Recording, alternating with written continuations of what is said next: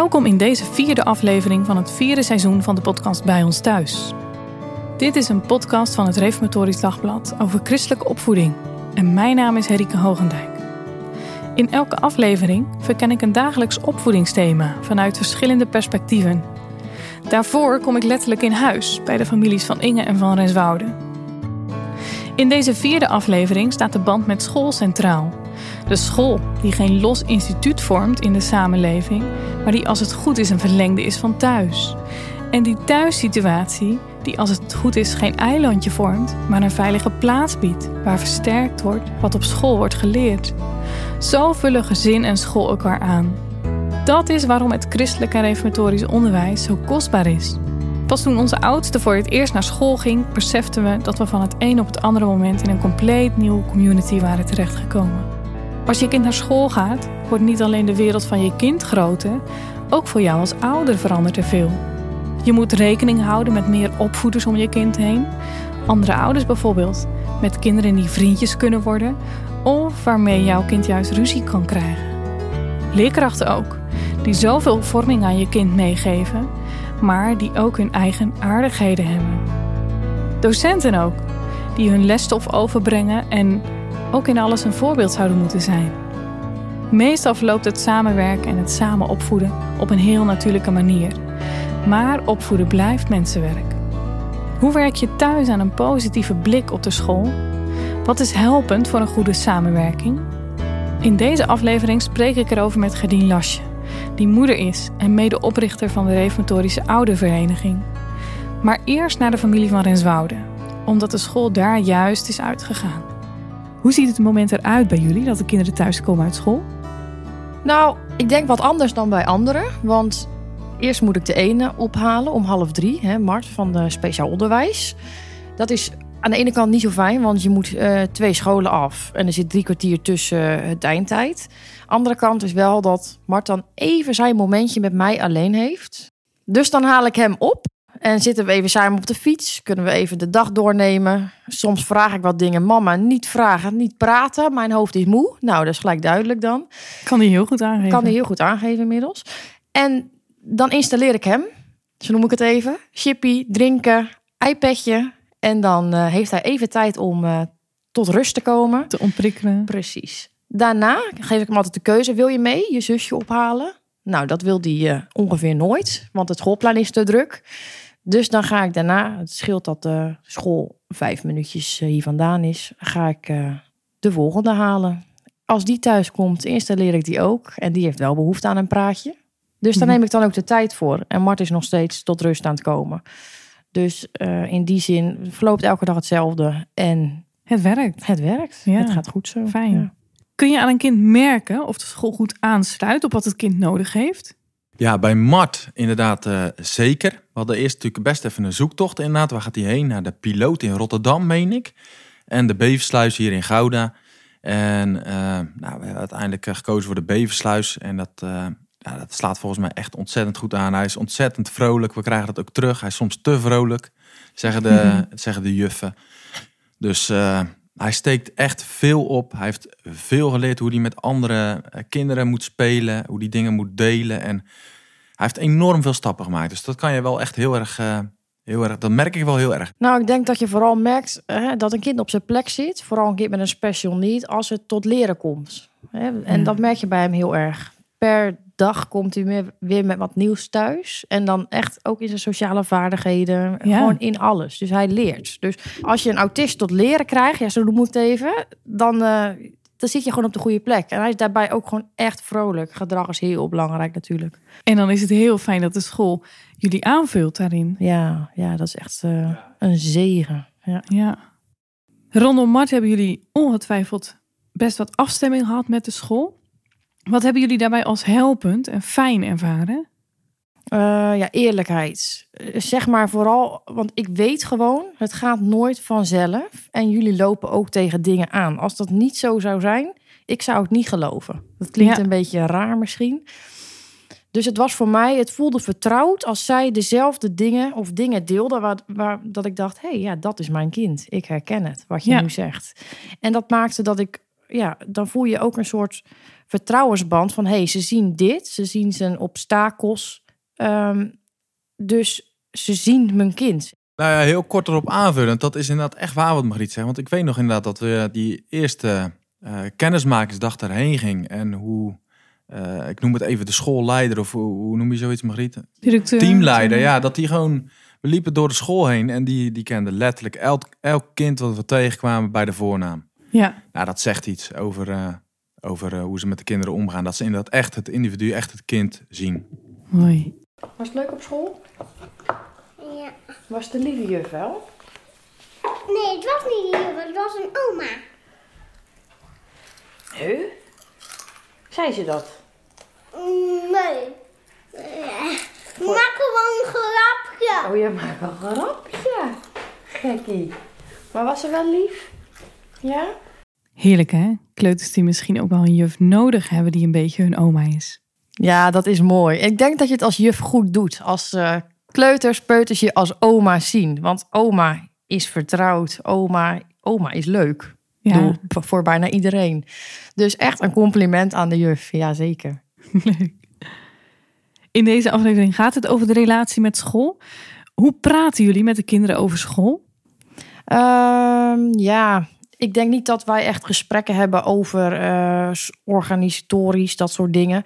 Maar school is gewoon positief. Eh, vindt de, vooral vindt de juf eh, iets niet goed of vindt de juf dat jij gecorrigeerd moet worden op een bepaald punt, dan vindt mama dat ook. Dus we staan gewoon, proberen zoveel mogelijk op één lijn te staan met school. En waarom is dat belangrijk? Ja, ik denk dat je geloofwaardigheid van school en van jezelf kwijtraakt als je elkaar te veel eh, gaat tegenspreken. Daarom is een school die goed aansluit bij je eigen normen en waarden natuurlijk ook zo belangrijk. Een goede samenwerking met school vraagt van ouders dat zij onvoorwaardelijk achter de school staan, noemen Martjan en Margriet. Alleen dan werk je geloofwaardig samen, omdat je dezelfde dingen zegt. Toch kan dat in de praktijk soms moeilijker zijn dan in de theorie. Want als ouder en leerkracht ben je toch twee andere personen. Je stemt met elkaar af, maar misschien heb je wel andere inzichten. Of heb je vragen bij de aanpak van de ander. Wat als juist de samenwerking met school voor spanning zorgt? Ik praat erover door met Gedien Lasje van de Reformatorische Oudervereniging.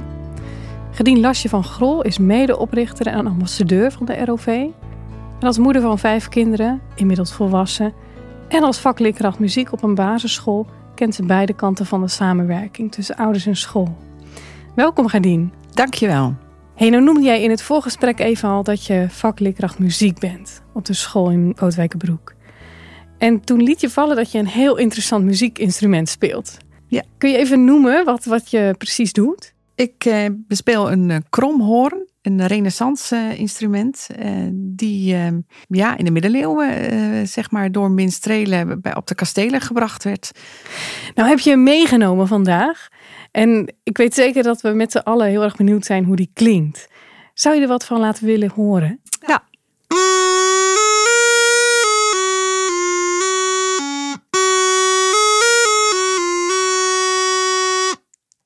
Het klinkt enorm als een doedelzak. Ja, leuk hè? Ja. Ja. Het is een eh, rietinstrument en eh, je hebt er heel veel lucht ook wel bij nodig. Dat Ja. hoor je ook wel. En dan hoor je dus die, een beetje die egale stroom. Leuk dat je het meenam, dankjewel. Hey, we zitten hier bij elkaar om met elkaar eh, na te denken over die samenwerking tussen school en gezin. Juist ook in situaties waarin het wat minder gaat. Maar voordat die situaties er zijn, heb je al de samenwerking tussen ouders en school. Hoe kun je daar op een positieve manier aan bouwen vanaf het begin van het schooljaar? Het is heel belangrijk, juist wat je zegt, vanuit die positieve insteek. Dus dat je eh, aan het begin van een jaar, wanneer je nog eh, objectief tegenover elkaar staat, al een, een, een band creëert, een relatie krijgt. En ja, hoe praktisch is dat eh, eigenlijk gewoon in een gesprek? En wat mij betreft een driehoeksgesprek tussen leerkracht, ouder en het kind erbij. Eh, om te vertellen van nou, wie zijn wij en wie is de leerkracht en wat verwachten we dit jaar van elkaar en hoe gaan we met elkaar om? Je zegt laat elke school, elke klas beginnen met een gesprek waarin alle drie die partijen aanwezig zijn, ook het kind. Ja, dat zou echt eh, het ideaalste zijn wat ons betreft. Ja, en, en, en waarom nou die rol van het kind erbij? Eh, zodat een, een, kind ook weet van, want het gaat natuurlijk over hem of haar. eh, van hé, hey, er, wordt hier eh, een goed contact gemaakt. En dat voelt goed en dat is veilig. Want ja, ik, ik- wanneer ik dan op school ben, dan weet ik dat de juf of de meester ook mijn ouders kent. En thuis weet ik van hé, hey, maar ze weten ook van wie de juf is. En dat geeft dus eigenlijk dat vertrouwen wat je zo nodig hebt in, in zo'n relatie. Tussen Vertrouwen, ja? Ja. Vertrouwen is nodig, geef je aan. Ehm, waar zorgt die, die goede samenwerking nog meer voor? Nou, de oude betrokkenheid, dus die, die goede samenwerking, dat is door onderzoek zelfs aangetoond dat eh, kinderen daar beter door ontwikkelen. Dus ook cognitief gewoon beter presteren, zeg maar. En ook sociaal-emotioneel eh, beter in hun vel zitten. Door dat vertrouwen. Eh, dus vandaar dat wij daar ook heel erg eh, onze aandacht op richten. Op de goede oude betrokkenheid. Ook in het voortgezet onderwijs. Ook voor pubers geldt dat. eh. Ja, dat is interessant. Nou zal dat in veel nieuwsbrieven dus terugkomen hè, van scholen, eh, beleidsdocumenten. Ehm, maar als iets op papier staat, dan is dat nog niet praktijk. Nee. Wat is er nodig vanuit de school om die oude betrokkenheid goed te laten verlopen? Ja, de school moet het, dient het dus te faciliteren. Dus, en de leerkracht moet daar ook echt voor openstaan om dat ook te doen. Eh, je kunt het natuurlijk organiseren en dan misschien die 10 minuten gesprekken die eerder nogal vaststaand waren, daarmee loslaten. En dit soort gesprekken voor in de plaats. En dan kun je ook per kind bekijken en per ouderpaar. Wat is er eventueel nog nodig daarna aan gesprekken? En dan kan het best zijn wanneer het heel goed gaat, dat dat misschien maar, maar één, hooguit twee gesprekken is. Maar, en dan kan het ook waarbij waar meer aandacht nodig is, dat je dan eh, wat vaker bij elkaar zit. Dat is dus wat de school kan faciliteren. Ja. En er is ook de kant van de ouder. Hoe was jij een betrokken ouder?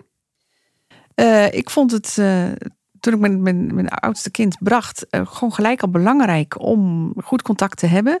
Dus ik liet dat ook merken van, nou, ik ben beschikbaar. En als je iets eh, wilt dat ik, dat ik hulp kan gebruiken. Eh, ook meedenken, ook in het onderwerp waar ze mee bezig zijn, met lessen. En een stukje ondersteunen. En soms ook iets leuks. Eh, ik heb ook een keer toen ze bij ons achter op het veld aan het spelen waren. Het was heel erg mooi weer. Aangeboden van joh, zal ik halverwege een keer ijsjes komen brengen. Nou, dat was gewoon een leuk, eh, leuk idee. Maar daardoor geef je ook aan van, ja, dat je meedenkt. En je bent voor altijd een ijsjesmoeder De ijsjesmoeder. ja. nou, zijn, nou is dit de basis, hè? Zeg jij, van waaruit je die, die samenwerking goed kunt vormgeven. Maar ongetwijfeld komen er ook momenten waarop het iets minder verloopt. Karakters kunnen botsen van leerkrachten en leerlingen. En we zijn allemaal mensen, hè? onze kinderen Ja. en ook de jufs en meesters.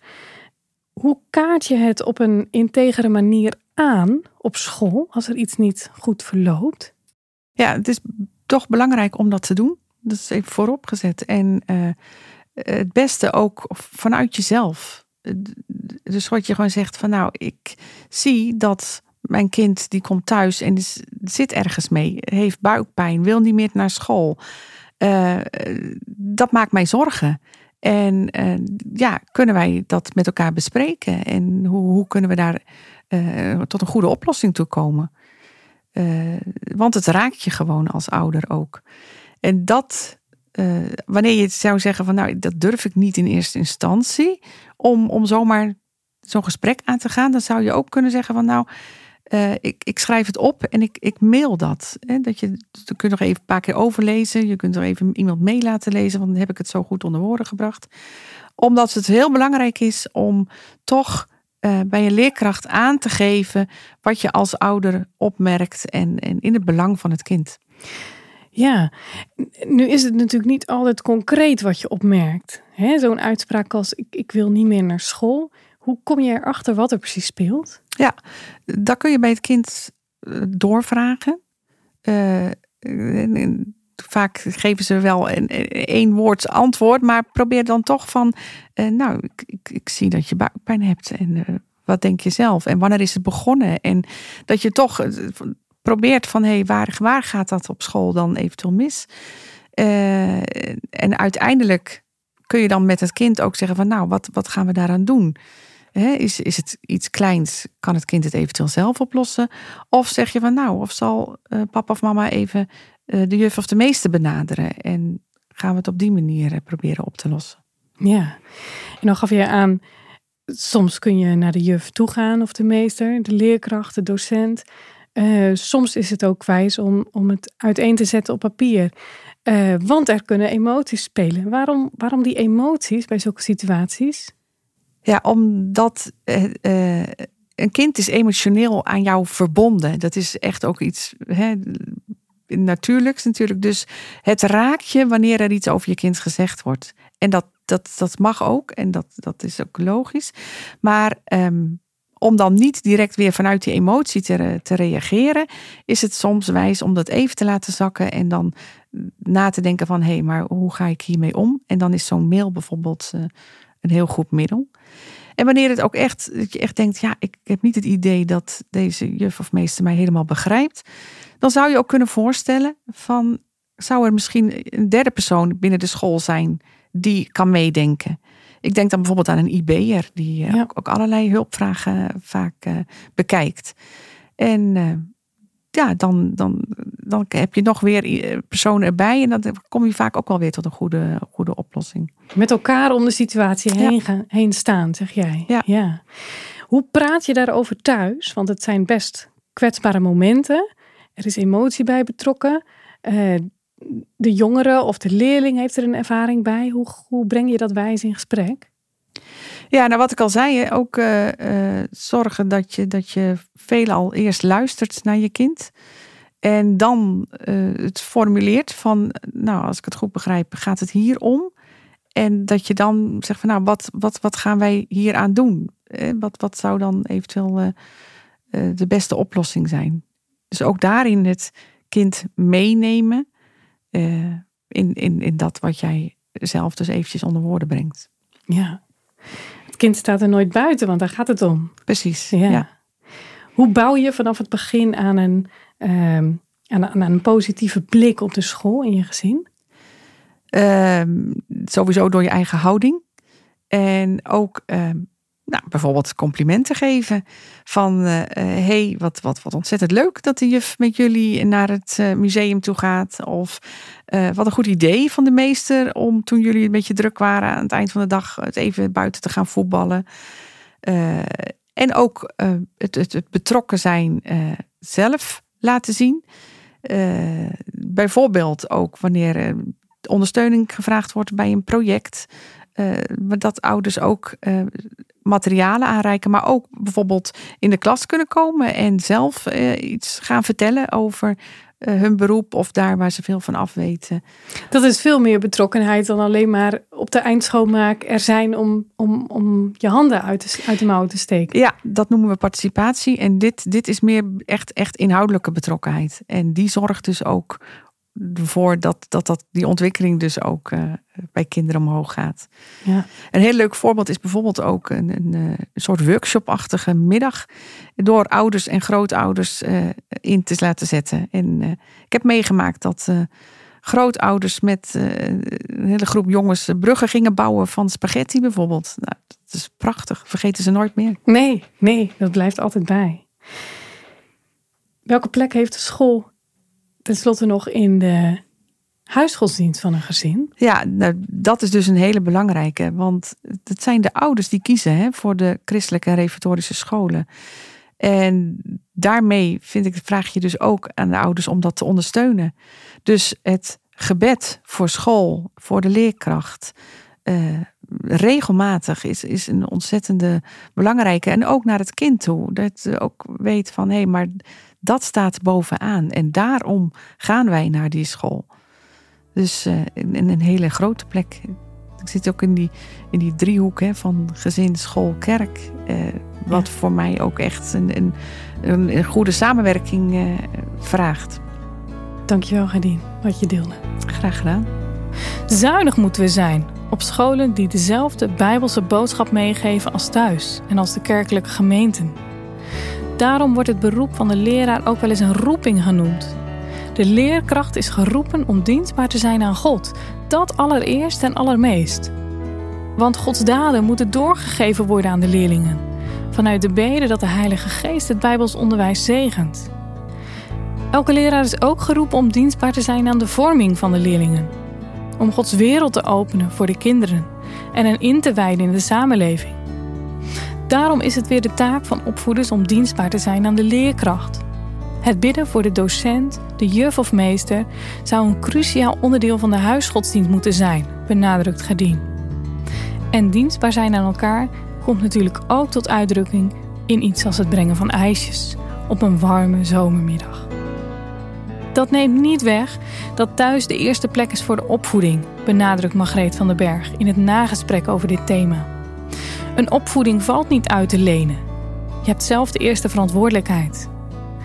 Die verantwoordelijkheid gaat ook over het wijs handelen op momenten dat je denkt: hoe bestaat het dat deze leerkracht zo heeft gereageerd? En dat vraagt best wel wat zelfverloochening als opvoeder, weet Margreet. Margreet, jij hebt ook het gesprek met Gardien gehoord. Wat viel jou op aan dat gesprek? Ja, als ik zo luister naar Gedien, dat is natuurlijk echt zo'n voorvechter voor uh, gezin en voor reformatorisch onderwijs. Ja. En dan viel me op dat zij zegt, ja, bij gesprekken zorg dat die kinderen erbij zijn. Mooi hè? En dan denk ik terug en dan denk ik, dat heb ik nog nooit meegemaakt, dat mijn kind erbij is. Wij praten altijd met een leerkracht, met een docent over het kind. Over en het thuis kind. praat ik dan weer met het kind over die leerkracht. Had je het wel graag gehad? Ja, ik denk dat het me in sommige situaties echt had geholpen.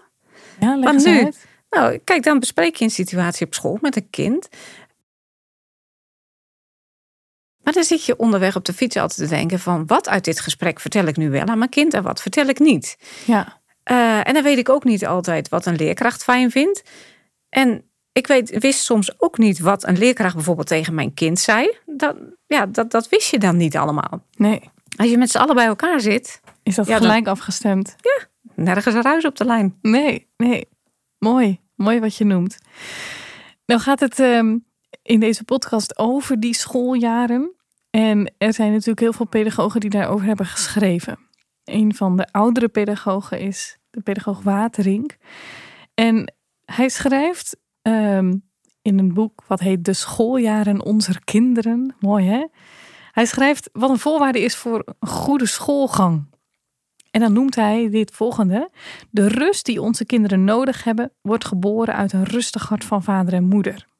Wordt gehandhaafd door de liefde van vader en moeder tot elkaar en tot de kinderen. En vindt elke dag opnieuw voedsel in het verantwoordelijkheidsbesef van de ouders.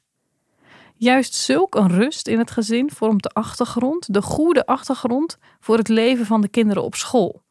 Het toebereiden van de bodem waarin de school zaait, is de taak van het gezin. Margreet, welke opdracht hoor je hierin voor ons als opvoeders? Ja, het is, het is denk ik in de eerste plaats het besef dat je als ouders de basis legt van de opvoeding. Ja, die school die helpt jou, maar de basis ligt dus echt in het gezin. En hij noemt natuurlijk drie dingen expliciet: rust, liefde en verantwoordelijkheidsbesef. Ja, Rust, dat is tegenwoordig een zeldzaam fenomeen volgens mij. In je hoofd, als jij zelf net uit je werk komt en je komt tegelijk thuis met je kinderen of weet ik wat allemaal hoe dat werkt. Ja, waar is die rust in je hoofd? en hoe kun je dat toch in je gezin laten gelden, die rust? Ja, prioriteiten stellen.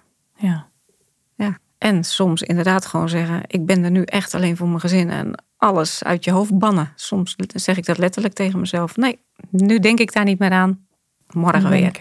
nu ben ik hier. En dan Ja. ben ik in het hier, bij mijn kinderen. En ja, die liefde, ja, je hoopt dat ieder kind voelt dat zijn vader en moeder van elkaar houden. Ja, En dat ze ook dagelijks voelen dat die ouders van hen houden. Want dat zorgt voor een hele stevige basis bij het kind. hoe kun je dat als opvoeders laten merken? ja, in hoe je omgaat natuurlijk als eerste met elkaar, als, als vader en moeder. En ja, verder vooral door je gedrag, maar natuurlijk ook door die knuffel. En zeg het ook gewoon eens hardop. Uh, ja, dat kan op duizend manieren. En als je daarin aansluit bij de liefdestaal van je kind, dan komt de boodschap ook het beste binnen ja. bij je kind. Mooie tip ook gelijk om te lezen, hè? dat boek over liefdestalen van je kind. Ja. ja. En tenslotte nog het verantwoordelijkheidsbesef van ouders. Waar gaat dat precies over? Ja, ja je, hebt, je hebt een taak gekregen als ouders om die kinderen groot te brengen. En je kunt daaromheen nog een heleboel taken hebben. Maar ik kom weer terug op die prioriteit. Welke prioriteit heeft de opvoeding van je kinderen bij jou? Ja. De school betekent niet dat je die opvoeding uitleent of, of wegbrengt. maar hij blijft bij jou. Helemaal. Ja. Nu heb jij zelf ook al heel wat ervaring met het schoolleven, Margreet. Ja, ik heb dat eens bij elkaar op zitten tellen. Oh, ja. Uh, ja, we hebben natuurlijk vier kinderen. En die uh, ja, basisschool, middelbare school, als ik al die jaren bij elkaar optel, dan kom ik aan 37 jaar uh, 37 jaar schoolervaring, ja, prachtig. Welke drie belangrijkste lessen hebben die jaren jou geleerd? Kun je die eens delen met, met ons en met, met opvoeders die misschien helemaal aan het begin van de jaren staan? Ja, die verdeel ik onder in drie dingen, denk ik. Eentje richting school, eentje richting leerkracht en eentje richting andere ouders. Mooi, prachtige verdeling, ja. Wat leerde je over school? Ja, de school als geheel, dat begint natuurlijk al bij je schoolkeuze. Uh, kies heel, heel zorgvuldig. En als je gekozen hebt, sta er dan ook achter. Sta erachter, ja. ja. Wil jij hebt voor die school gekozen. Jij vond dat op dat moment de beste school voor, voor je kind. Nou, sta er vierkant achter. Ja. En niet een beetje dat half-half gedoe, maar gewoon ga ervoor met die school. Dat je samenwerkt. En dat kan natuurlijk op duizend manieren vorm krijgen. Maar je kind merkt natuurlijk hoe jij betrokken bent op school. Ja. Uh, heb jij alleen maar commentaar en vind je dit niet goed en dat niet goed? Ja, dat is geen betrokkenheid op school. Ik bedoel, je hebt die school gekozen. Dus je doet het er gewoon mee. En maak er met z'n allen het beste van. Dat, dat doe je inderdaad door bijvoorbeeld s morgens te bidden voor de juf die voor de klas staat. Voor die docent die les geeft. Als er moeilijke situaties in de klas zijn. Uh, ja, zorg dat je kinderen weten dat er één is die boven alles staat. De Heere God. En die ook uh, de school ziet. Ja. Mooi dat je dat zo benadrukt. Vierkant achter je school staan. Um, maar misschien heb je ook wel geleerd over dat er heel verschillende leerkrachten in die school zijn. Um, hoe geef je dat dan vorm? Of misschien moet je wel gewoon naar die tweede les gaan. Ja, richting de leerkracht. Kijk, op een school werken mensen met gebreken. Ik ben een ouder met gebreken. Mijn kind is een kind met gebreken. In die wereld leven we. En dan moet je dus mee dealen. En dan heb je een kind dat thuis komt, helemaal gefrustreerd. En dan hoor je het verhaal en dan denk je: hoe bestaat het dat deze juf of deze meester op deze manier heeft gereageerd? Het zal toch niet waar zijn? Nou, dan kun je echt enorm boos worden, verdrietig en weet ik wat allemaal. Waarom raakt het jou zo? Nou ja, ik bedoel, er gebeuren niet alleen leuke dingen op school. En soms heeft een juf of meester ook zijn dag niet. En soms uh, loopt het ook gewoon echt niet goed. Uh, dat een juf of een meester tegen zijn grenzen aanloopt met een bepaalde groep. Ja. Nou, dan, dan gebeuren er niet alleen fijne dingen op school. En dat raakt mij als ouder, want ik zie dat mijn kind uh, niet meer met plezier naar school gaat, bijvoorbeeld. Ja. Nou, dat raakt mij enorm. En dat raakt niet alleen mijn kind, maar dat raakt de hele groep. Ja. En ja, soms kan het ook iets zijn wat alleen mijn kind betreft. En dan, ja, dan hou ik ook altijd voor ogen. Ja, kijk, het ene jaar heeft mijn kind bijvoorbeeld een juf of meester die mijn kind echt voor 100% aanvoelt. Ja. Kan een ontzettend fijn jaar hebben. En dan komt in een ander jaar bij iemand in de groep waarvan je denkt, nou, ik denk dat de match met mijn kind dit jaar ietsje minder is. Ja. Dat mag ook gewoon. Want misschien heeft die leerkracht gewoon nu iets meer match met die andere kinderen uit de groep. Nou, dan hebben die dit jaar een iets fijner jaar. Er is geen leerkracht die 100% altijd matcht met alle kinderen. Accepteer dat gewoon, zeg jij. Ja. Ja.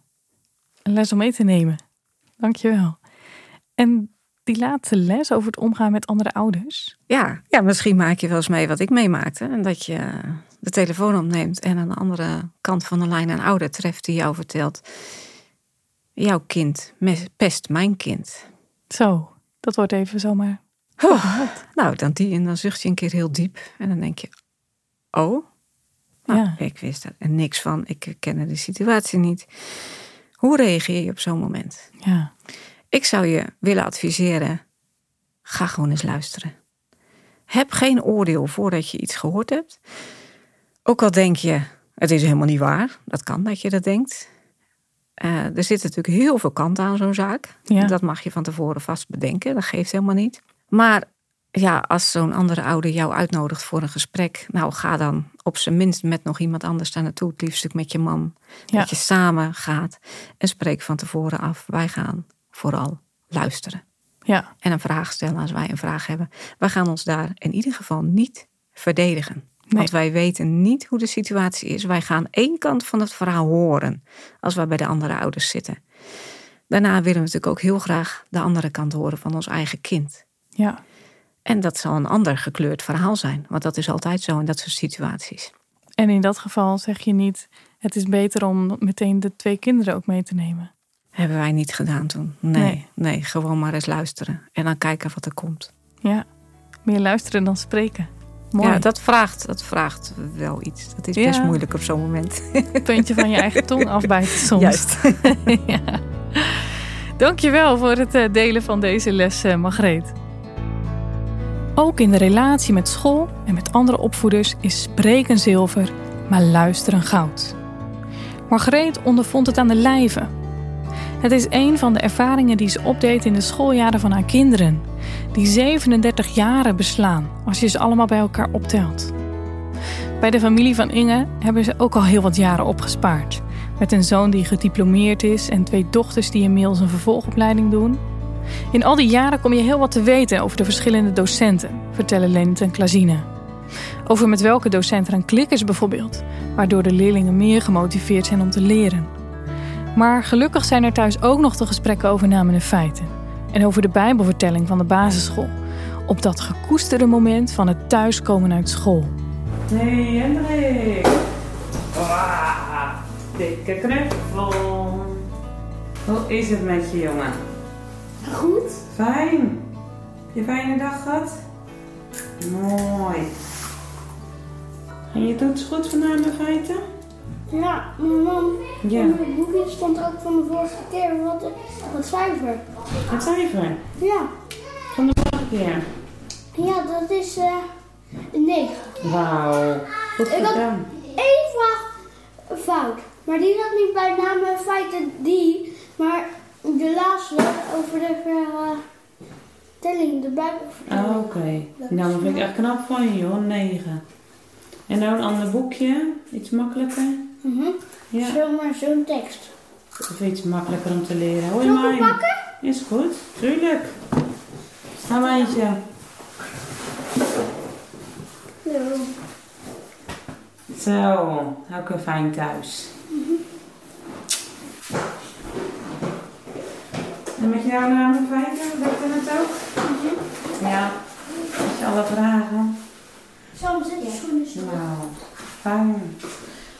Hoe was het op school? Dat is misschien wel de vraag die je als moeder duizenden keren stelt. Jij vraagt heel bewust hoe het ging, ook hoe het ging met namen en feiten op school. Waarom vind je dat belangrijk? Ja, sowieso het stukje godsdienstonderwijs vind ik ook echt wel belangrijk. Maar ook, hè, je hebt het samen zitten oefenen. En dan is het ook gewoon leuk om te weten van, oh, ging het ook allemaal wel echt? Ja, ik vind dat gewoon eh, ook wel mooi. Maar ik vergeet het soms ook wel eens even in de vluchtigheid te vragen. En pas attendeerde Annemij me er even op. Mam, ik heb nog helemaal niet gevraagd hoe het op school was. Oh ja, leuk. Dus dan merk je ook echt wel dat ze het belangrijk vinden. En dat herken ik zelf ook wel inderdaad van vroeger. Dat je, ja, even dat stukje persoonlijke aandacht. Dat is wel belangrijk. Nou, dat heb ik dus helemaal niet. Want op een gegeven moment komen ze dus ook in een leeftijd. Dan zeggen ze van... Ja, nou, als het niet goed gegaan was, dan had ik het wel verteld, hoor. En ja, ik kan me niet herinneren dat dat aan mij gevraagd werd... dat ik thuis kwam hoe het op school ging. Ja, ze zullen het vast wel eens gevraagd hebben... maar ik ben blij dat ik dat niet elke, ke- elke keer als ik thuis kwam over na heb moeten denken... hoe, eh, hoe het op school was. Het ging prima. Merken jullie dat verschil ook tussen de kinderen? Dat de ene het heel erg leuk vindt om dan heel veel te vertellen... en dat de ander denkt van, joh, goed. Ja, pubers, die, eh, die vinden het al gauw best... en eh, die vinden het meer gezeur. Ja, die zien het meer als, oh, word ik weer gecontroleerd? Ja, dat, daar moet je echt wel rekening mee houden. En dan, dan moet je echt gerichte vragen stellen. Van dat je weet dat hij voor Engels geleerd had en dat hij het moeilijk vond. Dat je, nou, hoe is het gegaan met je Engels? Kijk, en dan komt er wel wat, maar niet eh, algemeen. Dat vinden ze meestal, nou hier in ieder geval niet helemaal super. Nee, en dan is het ook wel leuk dat ze dan toch ehm, halverwege de avond ineens spontaan wel zelf dingen gaan vertellen. Ja, dat zijn voor mij echt van die gouden momenten. Zo waardevol. Willen ze toch even een verhaal kwijt, hoe groot ze dan ook zijn. Ik denk, nou, heerlijk, kom maar op. Hey, en hoe komt dat, dat ze die ruimte voelen om dat gewoon te vertellen? Ja, dat ze ook echt wel weten dat je er voor ze bent. Ja, ook al eh, hè, zijn ze puber en dan lijkt het, eh, schoppen ze wel eens even tegen je aan, om het zo te zeggen. Maar aan de andere kant eh, voelen ze ook echt wel dat je het meent. Dat je echt oprecht interesse in ze hebt. Hoe ging het bij jou dan, Ger? Prima. Ja? Je PTA, was die nou moeilijk? Best wel makkelijk. Nou, echt. Ik denk dat ik sowieso wel een 7 heb. Gaaf. Want van tevoren dacht je wel, vond je het moeilijk toch? Zei je vanmorgen nog, het leren. Ja, daarom had ik ook extra energie ingestopt. Kei goed van je. Heel belangrijk, je eerste PTA. En wanneer de volgende? Of doe je dat nog even? Oh, november pas. Ah, Oké. Hey, en onderweg met de regen? Ja? Je regenpak vanmorgen ook al aan moeten doen. Nee, juist vanmorgen alleen. Oh, Oké. Nou, maar net had je hem toch ook aan? Ja, ik had hem wel aan. Je had hem bij school aangedaan. Heel slim. Mensen hadden gezegd dat het echt keihard zou gaan regenen, een centimeter. Ah ja. Ja, dan kun je beter maar aandoen dan dat je kleren nat thuis komt. Hè? Nee, je fiets opladen ging ook gewoon weer lekker. Genoeg plek. Ja, ik heb één keer dat hek open. Oké. Want je hebt nou een pasje of een sleutel? Pasje. En die moet je er, er tegenaan houden en dan gaat die open. Ja. Nou, wat fijn. Klik, en dan klik hoor je dan en dan pok de open. En dan gaat die tjak zo automatisch open. Nee, Oh, dat niet. je maar open duwen. Ja. Nou, echt fijn hoor dat het nou geregeld is. Nou, speel jij even lekker een spelletje? Maar daar ben ik wel mee bezig. Eh, praten met pubers is iets heel anders dan met schoolkinderen. En het lukt jullie heel goed. Hoe komt dat? Wat is het geheim? Is er een geheim voor? Ja, pubers vragen een bepaalde benadering.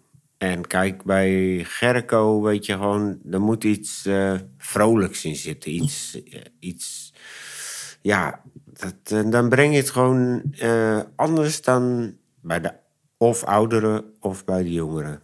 Maar ik zit even te denken voor een voorbeeld, maar ik weet het niet zo goed. En Gerco heeft dat er zeg maar al wel eh, vroeger op de lagere school gehad.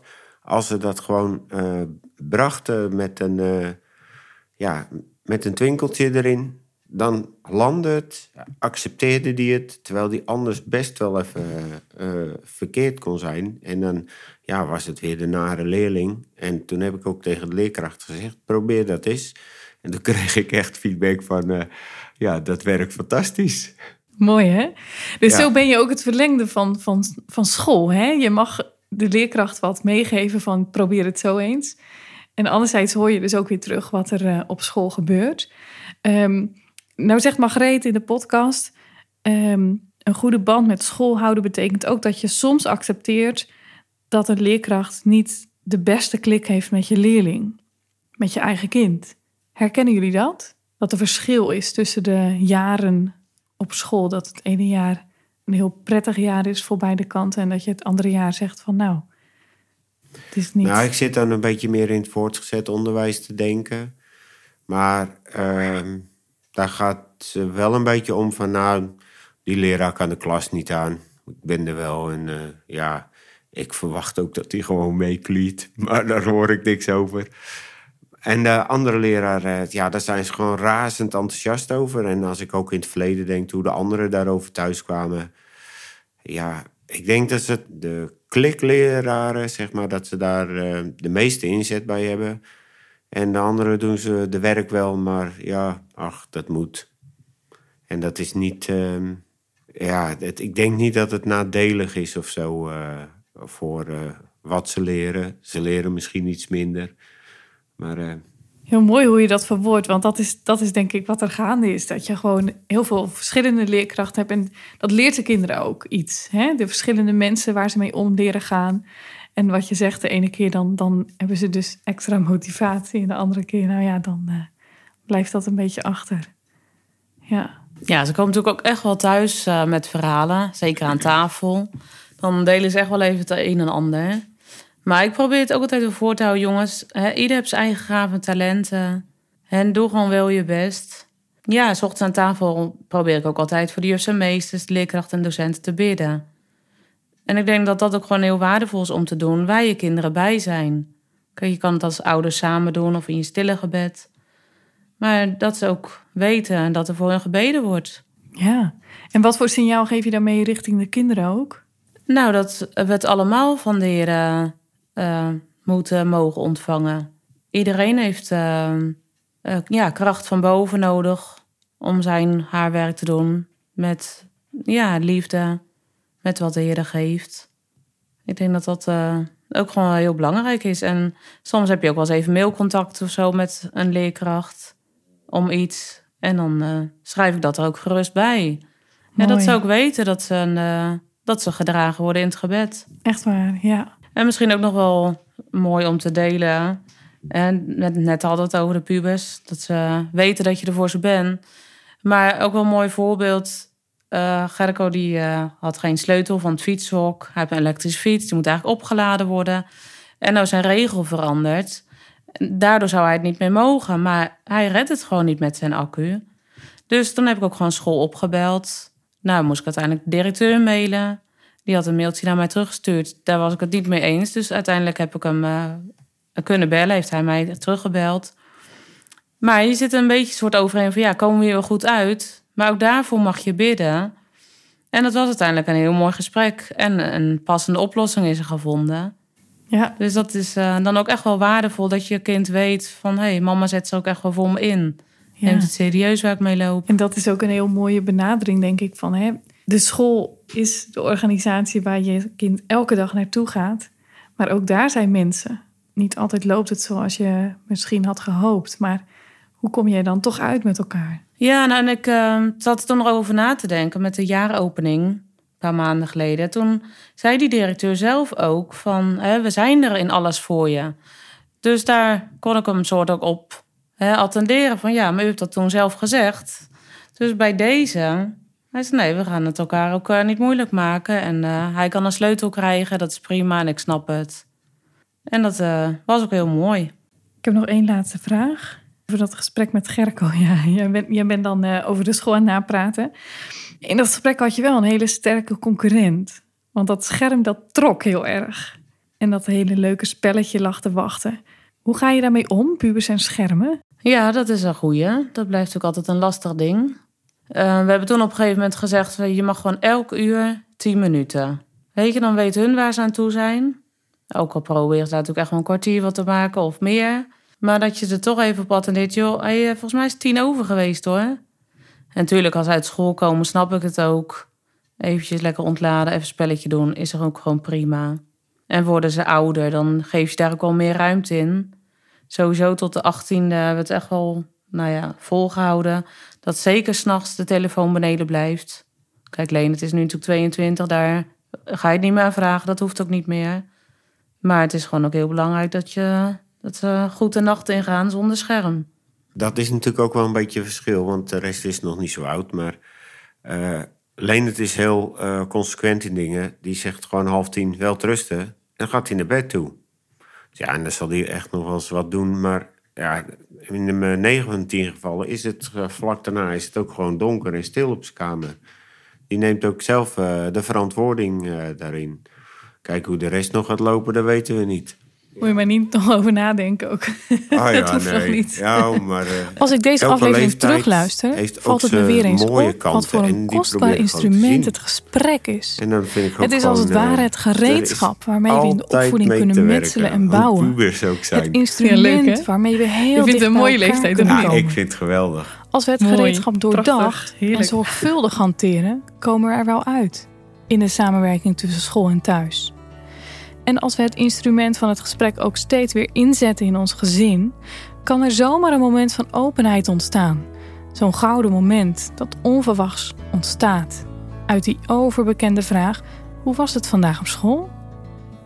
Zelfs pubers hebben het nodig, dat stukje persoonlijke aandacht na schooltijd, ervaren Lenet en Klazine.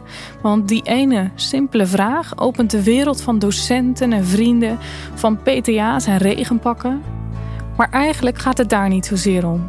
Veel meer is dat dagelijkse gesprekje een middel om onvoorwaardelijke liefde door te geven. Ik ben er voor jou als je uit school komt. En vanuit die puber gezien, ik wil best wel een stukje van mijn leven delen. Op zich. Want stiekem zijn die ouders natuurlijk nog wel de belangrijkste baken in deze onstuimige tijd. Dat zijn momenten in de opvoeding om te koesteren. Na een gewone dag op school. Dat is de opvoeding met beide benen op de grond. Die natuurlijk niet bestaat uit trucjes met steeds hetzelfde resultaat. Daarvoor is de praktijk te weerbarstig. Te gebroken ook. En juist daarom hebben we het nodig om af en toe met een nieuwe blik naar onze eigen opvoeding te kijken. Door even te luisteren naar hoe andere opvoeders dat doen. Door even te horen hoe experts erover spreken. En door terug te keren naar onze Bijbel, waarin de hemelse pedagoog woorden van opvoeding schreef. Dit was de vierde aflevering van de podcast Bij ons thuis over een goede band tussen thuis en school. De opnamen in deze podcast zijn gedaan door Niels Verhoek. Carola Veldhuizen redigeerde de podcast. Heb je vragen naar aanleiding van deze podcastaflevering? Of heb je nieuwe vragen voor een toekomstige aflevering? Mail ze ons toe via podcast.refdag.nl. In de volgende aflevering staat eenheid in je gezin centraal. In een gezin ontmoeten leeftijden en persoonlijkheden elkaar. Soms botst dat. Hoe bouw je aan eenheid? En wat als één kind speciale regels nodig heeft in jullie gezin? Vragen genoeg, inhoud te over. Graag tot dan.